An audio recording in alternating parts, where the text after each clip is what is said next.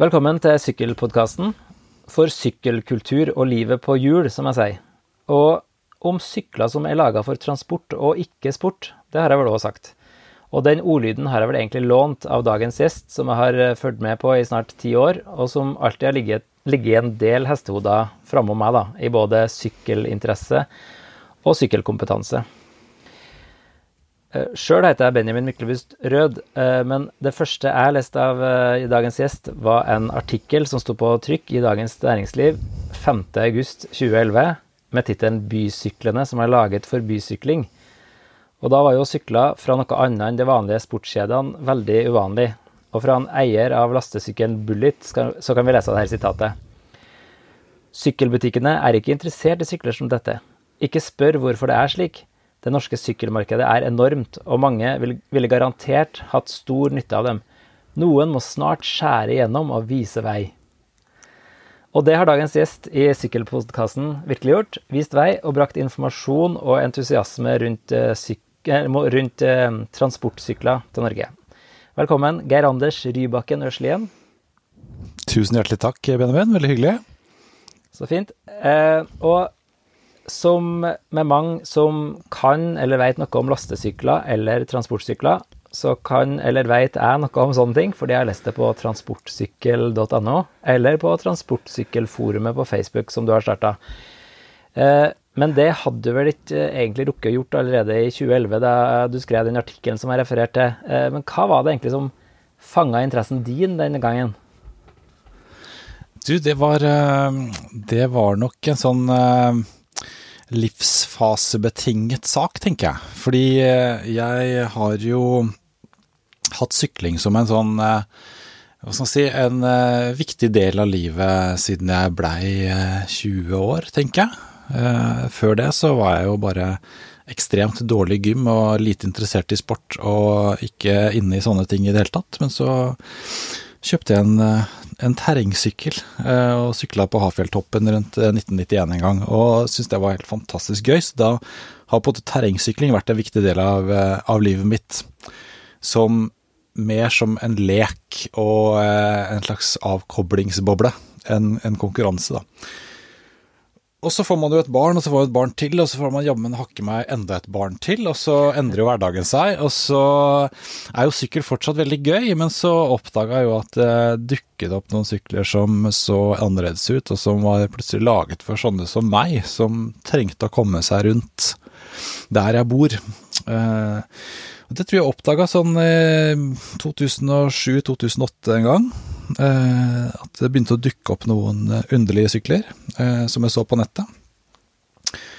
Og så fulgte jeg litt med på det, og så Det er klart, når liksom det du ser klaffer med det behovet du har i hverdagen, så er det ikke så vanskelig å fyre seg opp da, for en som er lett å begeistre på det området her. sånn. Så da da var det nok rett og slett det det handla om. At jeg så noe som kunne løse noen hverdagsproblemer for meg, da.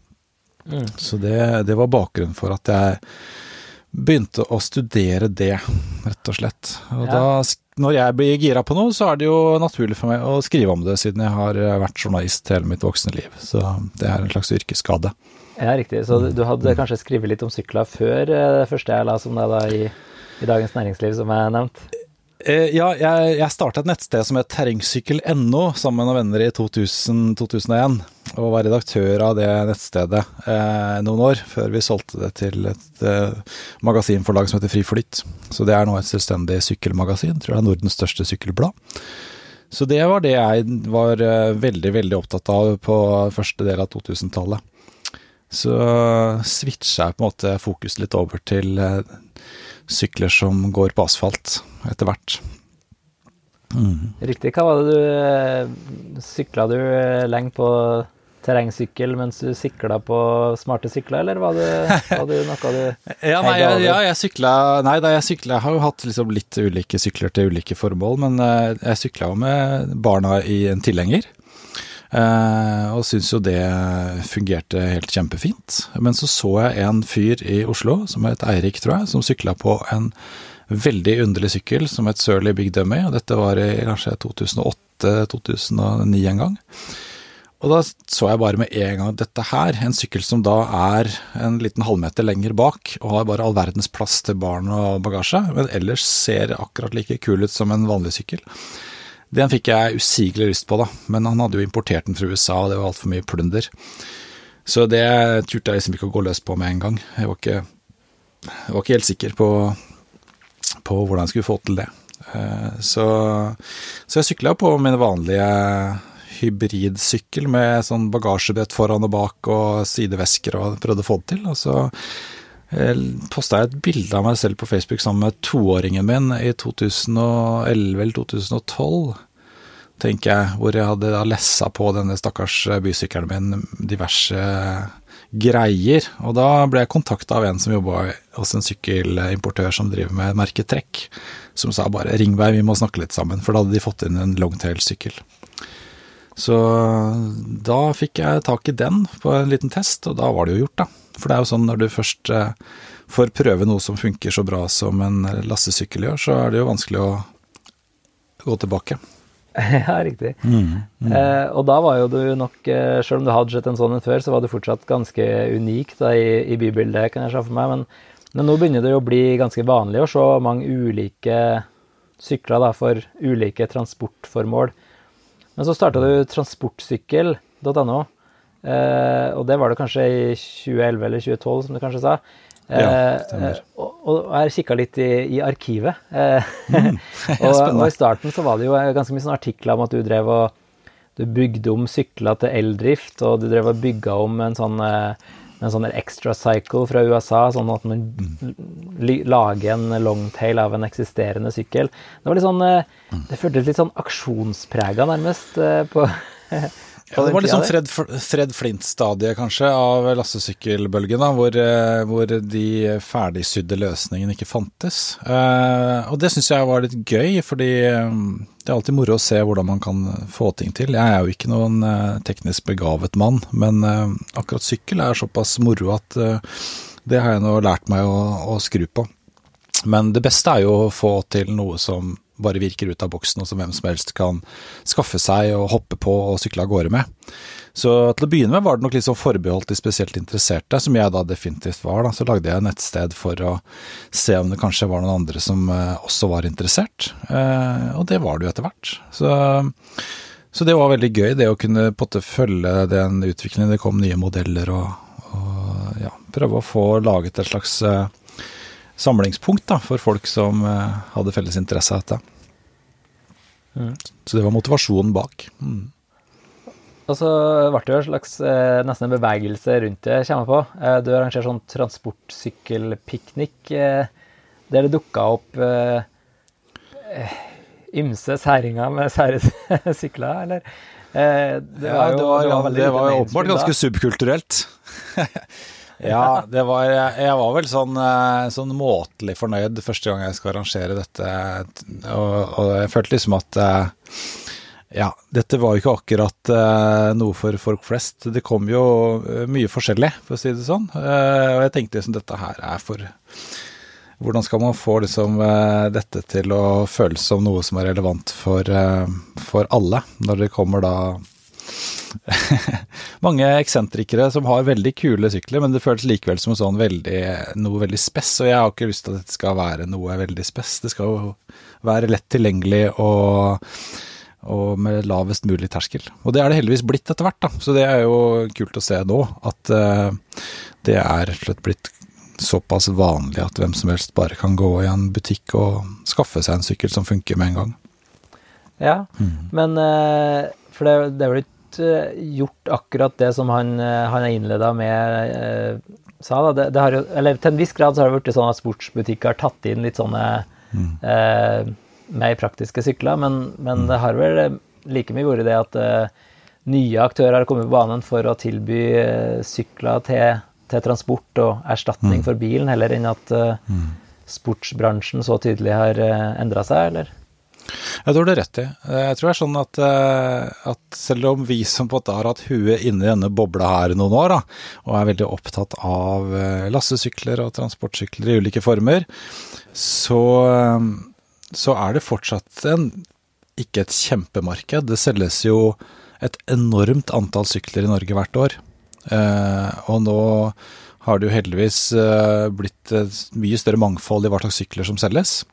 Men lastesykler er jo fortsatt et, et ganske lite marked, så det er liksom ikke store penger i det.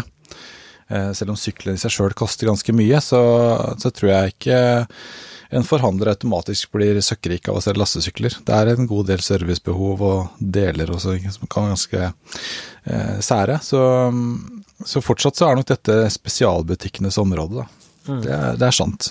For det, det, det koster jo litt, uh, litt mer uh, for en sånn sykkel som, som er designa for å erstatte bilen, at man må liksom tenke mm. litt i, uh, i bil, bilbudsjettet, liksom, for å, ja. for å komme dit. Ja, de er, de er absolutt dyre, altså. Og det er jo Så de krever jo på en måte en ekstra runde i, i huet, for en vanlig vanlige folk i etableringsfasen med små barn har absolutt eh, nok å bruke pengene på om man ikke skal kjøpe en sykkel til 50 000 på toppen av det hele. Men vi har jo ofte tenkt sånn at, at bil er en naturlig del av det å eh, ha et hverdagsliv med barn. Så, og bil er jo i hvert fall dyrt. Så jeg ser jo at mange eh, sammenligner eh, de som klarer å dekke hverdagsbehovet sitt da, med en lastesykkel, de slipper jo billigere unna enn de som uh, trenger bil for å få det til. Mm. Men, men, du er vel litt sånn uh, Jeg oppfatter deg som ikke den aller mest eh, puristiske sykkelentusiasten. Du, du, jo, du klarer jo å hente fram entusiasme for, for biler òg, gjør du ikke det? Ja, altså, jeg er jo uh, definitivt ikke noen uh, purist uh, på dette her. Jeg syns bil er kjempemorsomt. Jeg er jo vokst opp på bygda i Gudbrandsdalen i en bilkultur. da jeg vokste opp, og så hvis jeg så voksne folk sykle da, så betydde jo at de hadde mista lappen. Det var liksom ingen som sykla rundt omkring i øyer i Gudbrandsdalen om det ikke var noe gærent, holdt jeg på å si. Så det var, det var, en helt annen kultur. Og når du har vokst opp på bygda, så vet du også at eh, det er jo ikke bare å hoppe på sykkelen for å få gjort ting. Du må faktisk ha bil. Eh, det er eh, en nødvendighet. Eh, og er, sånn sett er jo livet i byen helt annerledes. Så det er jo fort gjort at man ser verden med bare et par briller.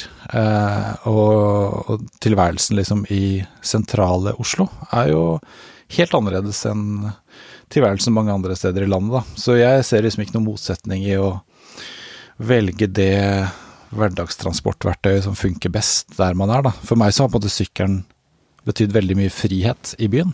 Akkurat som bilen har betydd veldig mye frihet for meg eh, når jeg skal andre steder. Mm. Men jeg har jo selvfølgelig møtt, møtt mange som mener at, det, at, eh, at jeg burde ha kvitta meg med bilen. Jeg har jo fått høre det flere ganger. at eh, når skal du kvitte deg med bilen, du som er så gira på lastesykkel? Og det er jo et spørsmål jeg ja, ikke har liksom Nei, jeg har ikke følt at det har vært liksom eh, vi, vi, Jeg har behov for å komme meg rundt omkring i, i landet med jevne mellomrom, og da, da, funker bilen bra til det. Mm. Mm. Ja, da har jo inntrykk av at uh, de fleste han som uh, finner ut at eh, transportsykkel kan eh, løse sine Eller en lastesykkel, eller hva vi skal kalle det, da, kan løse mm. deres eh, transportbehov. De har jo gjerne en bil i, i tillegg, men, men, den sykkelen blir jo billig sammenligna med f.eks. å ha to biler. da. Og, og sjøl har jeg jo nettopp hatt bilen min på EU-kontroll, så da, liksom, da føles det veldig billig med sykkel etterpå. er du gæren. Absolutt. Og så tenker jeg det er litt morsomt med det med sykkelmiljøet, fordi at vi trenger jo de som utfordrer litt også, og som tupper sånne som er litt i rumpa og sier litt irriterende ting av og til, for da tvinger det meg til å tenke litt etter. Eh, og jeg er jo, ser ikke på meg selv som en sånn aktivist eh, som driver med noe misjonsvirksomhet. Jeg syns sykler er gøy. Jeg liker å skrive om dem og ta bilder av dem og fortelle om det av og til.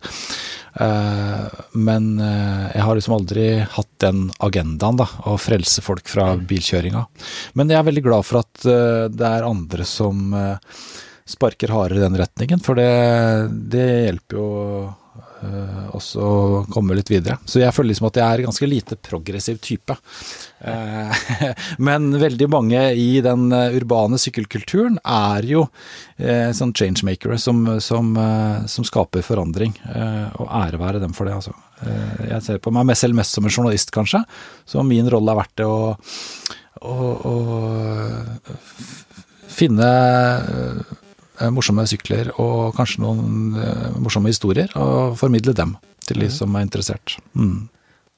Ja, og jeg tror jo at ja, du har nok lyktes med å skape like mye endring som mange aktivister. Da, med, altså, du har jo som du sa, intervjua og en god del produkttesting og, og gjennomgang av både det ene og det andre. Og, og folk har jo kanskje gått på, til både transportsykkel.no til det sykkel, transportsykkelforumet på Facebook for å finne liksom det nyeste, det som skjer, det, det kanskje stiligste, mest praktiske, mest gjennomtenkte.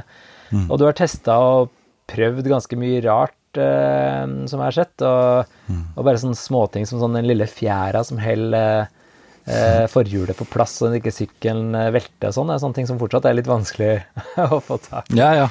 Eh, ja, ja, men det er gøy, det.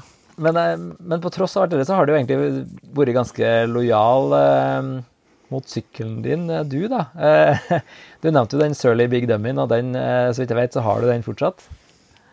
Ja da, den har jeg. Den går vel på åttende sesongen nå. Eh, og den skal gå mange sesonger til. Altså, for jeg er ikke jeg er ikke den som bytter sykkel ofte. Jeg liker eh, Når jeg først finner noe som fungerer fint, så syns jeg det er helt topp. Og det er jo liksom en Volvo 240 da, i lastesykkelverdenen. Veldig ufancy og litt gammelmodig, men slitesterk og trofast. Så den eh, holder jeg fortsatt på med. Den sykler jeg hver dag. Mm. Jeg har sett at de har jo kommet med en elektrisk versjon av den her òg, men du har en uh, hjemmesnekra el-versjon. Ja, jeg har satt på en elmotor sjøl, da, så det, det, var den måten jeg måtte løse det på. Skulle veldig gjerne hatt den, uh, den nye versjonen med innebygget motor, selvfølgelig, for den er veldig kul, men den, det er mye penger, og jeg tenker liksom at det, det er digg å, å, ha noe som virker lenge, og som man bare kan bruke så lenge det varer. Så det, har jeg tenkt å, å gjøre med den her. Ja, riktig. Men jeg får jo mange spørsmål om, fra folk som spør om jeg har laget den sjøl, så jeg føler jeg tar ikke det som et kompliment. For det, det er ikke en vakker sykkel. Det er liksom eh, litt sånn Frankenstein-aktig utseende på den. Men eh, jeg blir jo veldig glad i den, da, fordi den virker så, virker så bra. Mm. Ja, for at eh, jeg, må jo, jeg må jo innrømme at eh, sjøl så sykler jeg jo på en sånn helt eh, standard sykkel som kommer fra en, fra en sportsbutikk, og har kanskje mishandla den litt med, med, å lempe på ting den ikke helt egentlig er, er, skapt for, da. men jeg, jeg, ser jo at altså den Surly Big Dummen er jo en longtail, altså med langt bagasjebrett, mm. eller bakpart, mens de fleste mm. kanskje forbinder de lastesyklene og det vi snakker om nå, med med noe som har en kasse foran. da. Eh, ja. Og eh, du sa jo en liksom Volvo 240, men folk eh, velger jo gjerne en, eh, en bil ut ifra liksom totale bruksbehovet deres over eh, mm. lang tid. Mens, mm. mens, mange kjøper seg jo en sånn lastesykkel når de har uh, små barn, og så mm. lærer barna å sykle sjøl, og så passer det ikke så godt lenger. Uh, men sånn har ikke, har ikke, har ikke gjort. Du har du har fortsatt med, med masse utstyr og bålpanner, vedkubber og fotoutstyr. ja da. Jo da, det, det, er ikke vanskelig å finne nytte av en sånn uh, lastesykkel. Jeg kjøpte jo den uh, sykkelen når jeg hadde store barn, så det, det Hun yngste min var vel da Hvor gammel var hun da? Ja, hun var jo tre år da, men jeg har to eldre. Så det er jo uh, den kassesykkel eh, kunne jeg veldig gjerne hatt. Jeg er ofte vært frustrert og direkte grinete utafor eh, butikken når jeg må stå og dra og hale i diverse sånne væskestropper for å få handleposene mine oppi når det regner litt. Uh, da hadde jeg syntes det vært fantastisk å bare flekke opp en sånn regntrekk og dumpe alt opp i en kasse og sykle av gårde. Det har vært helt nydelig. Så det er jo ikke sånn at at longtail alltid er den perfekte løsningen, men, eh, men, for meg har det vært fint fordi den også er lett å ha store barn bakpå, da. Mm. Eh, og det var jo et behov jeg hadde da. Men da tror du at min. Eh, folk eh, ellers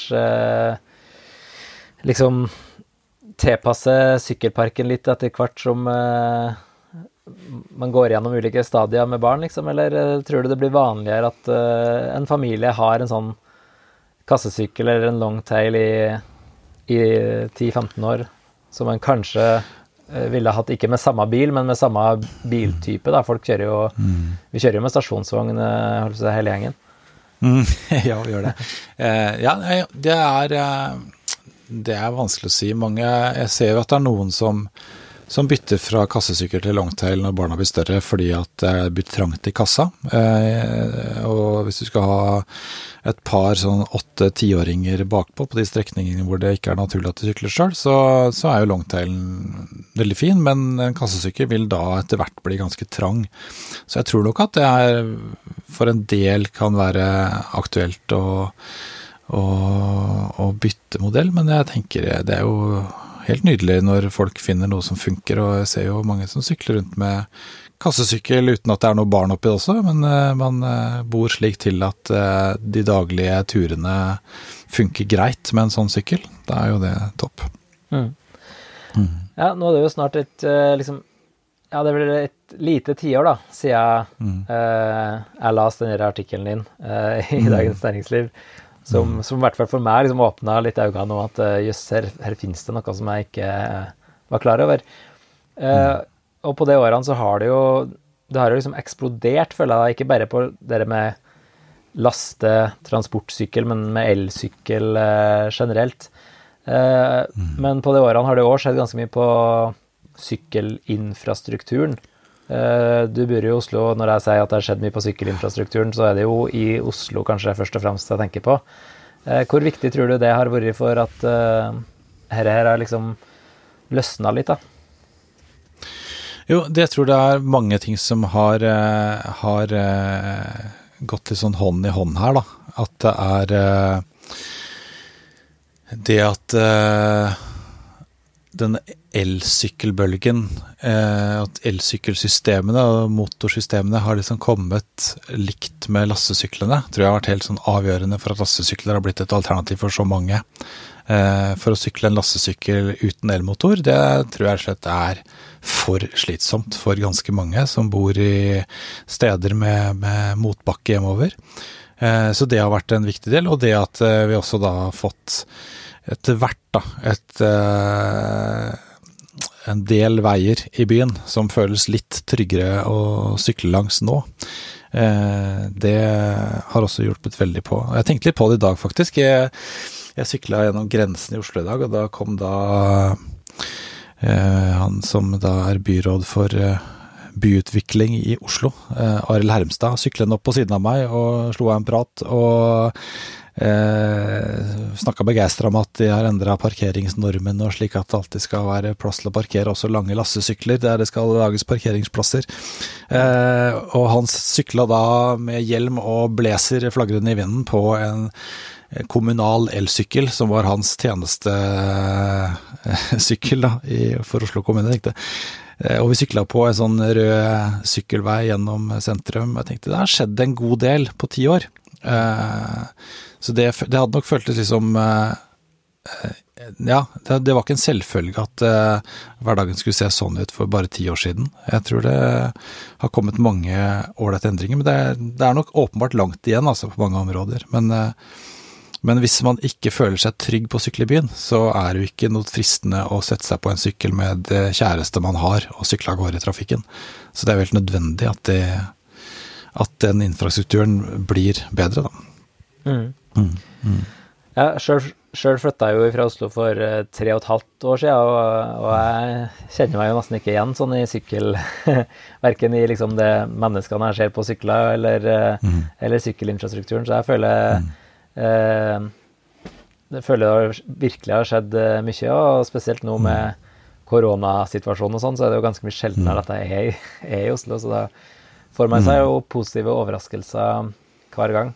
Men det er vel et stykke til vi er som Amsterdam eller København, kanskje, for det? Ja, da, absolutt. Men det som er morsomt, tenker jeg, er jo også at uh, det er så fort gjort at vi tenker at lassesykler er liksom et sånn byfenomen. Men uh, jeg har jo snakka med folk, jeg har fått uh, mailer og meldinger fra folk som Jeg husker det var en jeg snakka med som bodde vel i Gloppen i Sogn og Fjordane, som sykla elektrisk klassesykkel der oppe og mente at det var jo den perfekte bygdesykkelen. For de aller, aller fleste turene han hadde, de var jo bare på noen veldig få kilometer. Så det passa perfekt der, og når han hadde skaffa seg en, så hadde det en nabo også skaffa seg, og plutselig så var det liksom flere som fikk opp øya for det. Så han eh, ville slå et slag for eh, bygda og lastesykler, og det syns jeg også er litt kult, fordi eh, veldig, veldig mange bilturer i Norge er veldig korte, også eh, utafor byen. Eh, og da er jo lastesykkel en sånn triveligere og morsommere måte å komme seg rundt på, da, for de som har en avstand som det passer for. Så selv om det skjer veldig mye gøy i byen, så tenker jeg at det å, det å sykle på litt smartere hverdagssykler, det er liksom, bør ikke bare være et byfenomen, da. Mm. Mm. Riktig. Eh, nå nevnte jo at eh, du starta Transportsykkelforumet på, på, Facebook, og der er det vel eh, mm. flere tusen eh, medlemmer. Eh, mm.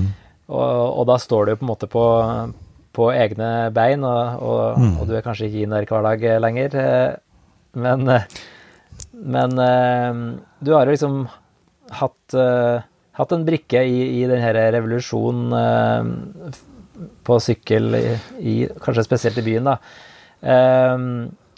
Men hvis vi skal liksom mot slutten her nå ta altså drodle litt på hva, hva tror du ni-ti år fram i tid fra nå av? Hva tror du Tror, eller hvordan tror du eh, sykkelhverdagen ser ut da?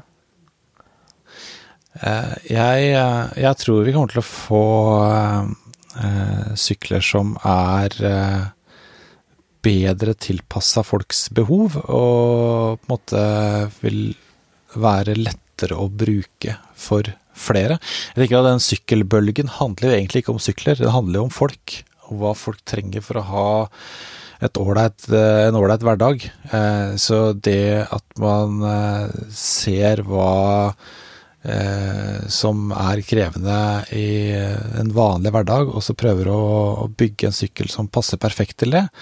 Der ser vi at det blir bedre nå. De første lastesyklene var jo litt sånn T-Ford-nivå på, med trebenk og trekasser foran. Og nå kommer det jo sykler som har kollisjonsbeskyttelse beskyttelse i bøyler, som har mykere kasser, som har seter med nakkeputer som unga kan sove underveis, eh, plass til flere barn Det, mye, det kommer bedre løsninger da, som, eh, som eh, jeg tror vil gjøre at at flere vil føle at det er trygt å sykle med lastesykkel med, med barn i. Og selv om de da også ofte ser jeg nå blir ganske mye dyrere en del av dem, det er jo en utfordring. Så, så tror jeg at vi ja, håpet mitt er jo at, eh, at uh, dette blir eh, vanligere og vanligere, og mindre og mindre føss. Den nettsida jeg starta, den skriver jeg jo lite på nå om dagen, fordi jeg føler liksom at behovet for den type info er liksom feida litt ut. Jeg starta det transportsykkelforumet på Facebook i håp om at mange flere skulle engasjere seg og dele erfaringer og kunnskap, og det har jo i høyeste grad skjedd. Nå bikker jo snart 4000 medlemmer der, og jeg tenker det er jo det beste som kunne skje. At uh, flest mulig uh, har et sted å gå for å stille spørsmål og finne svar og dele erfaringene sine. Uh, da, da, kan jeg kjenne liksom det. Da, da, da, gjør det ikke så mye om jeg feider litt ut som, som blogger og skribent på den nettstedet jeg starta den gangen, som nå på en måte har gjort jobben sin, tenker jeg da, i stor grad. Mm. Mm. Ja, det, det, tror jeg jo, at den har, eh, har gjort en, eh, en, viktig jobb. Og, mm. og, jeg håper jo at både, det, både bedre sykler, mer tilpassa sykler, men òg mm. kanskje enda bedre sykkelveier og, og sykkeltilrettelegging, og kanskje Kanskje er det òg stadig flere som ikke føler seg da så sær hvis de setter fra seg bilen og tar sykkelen med barna og, og juletre og mm. handleposer. Eh, som gjør det òg at barrieren blir litt eh, lavere, da. Men den som ja, lever, får se, som det heter. Ikke sant. Vi velger jo det som er eh, enklest og funker best, eh, og da hvis eh, sykkelen er det alternativet, så er jo ikke noe bedre enn det i byen. Mm. Mm. Og det får vi alle sammen kanskje prøve å jobbe for at det blir. Så, men med det så tror jeg jeg sier tusen takk for at du tok deg tid til Sykkelpodkasten, Geir Anders. Veldig hyggelig å være med. Absolutt. Takk for det. Ha det bra. ha det riktig bra, det.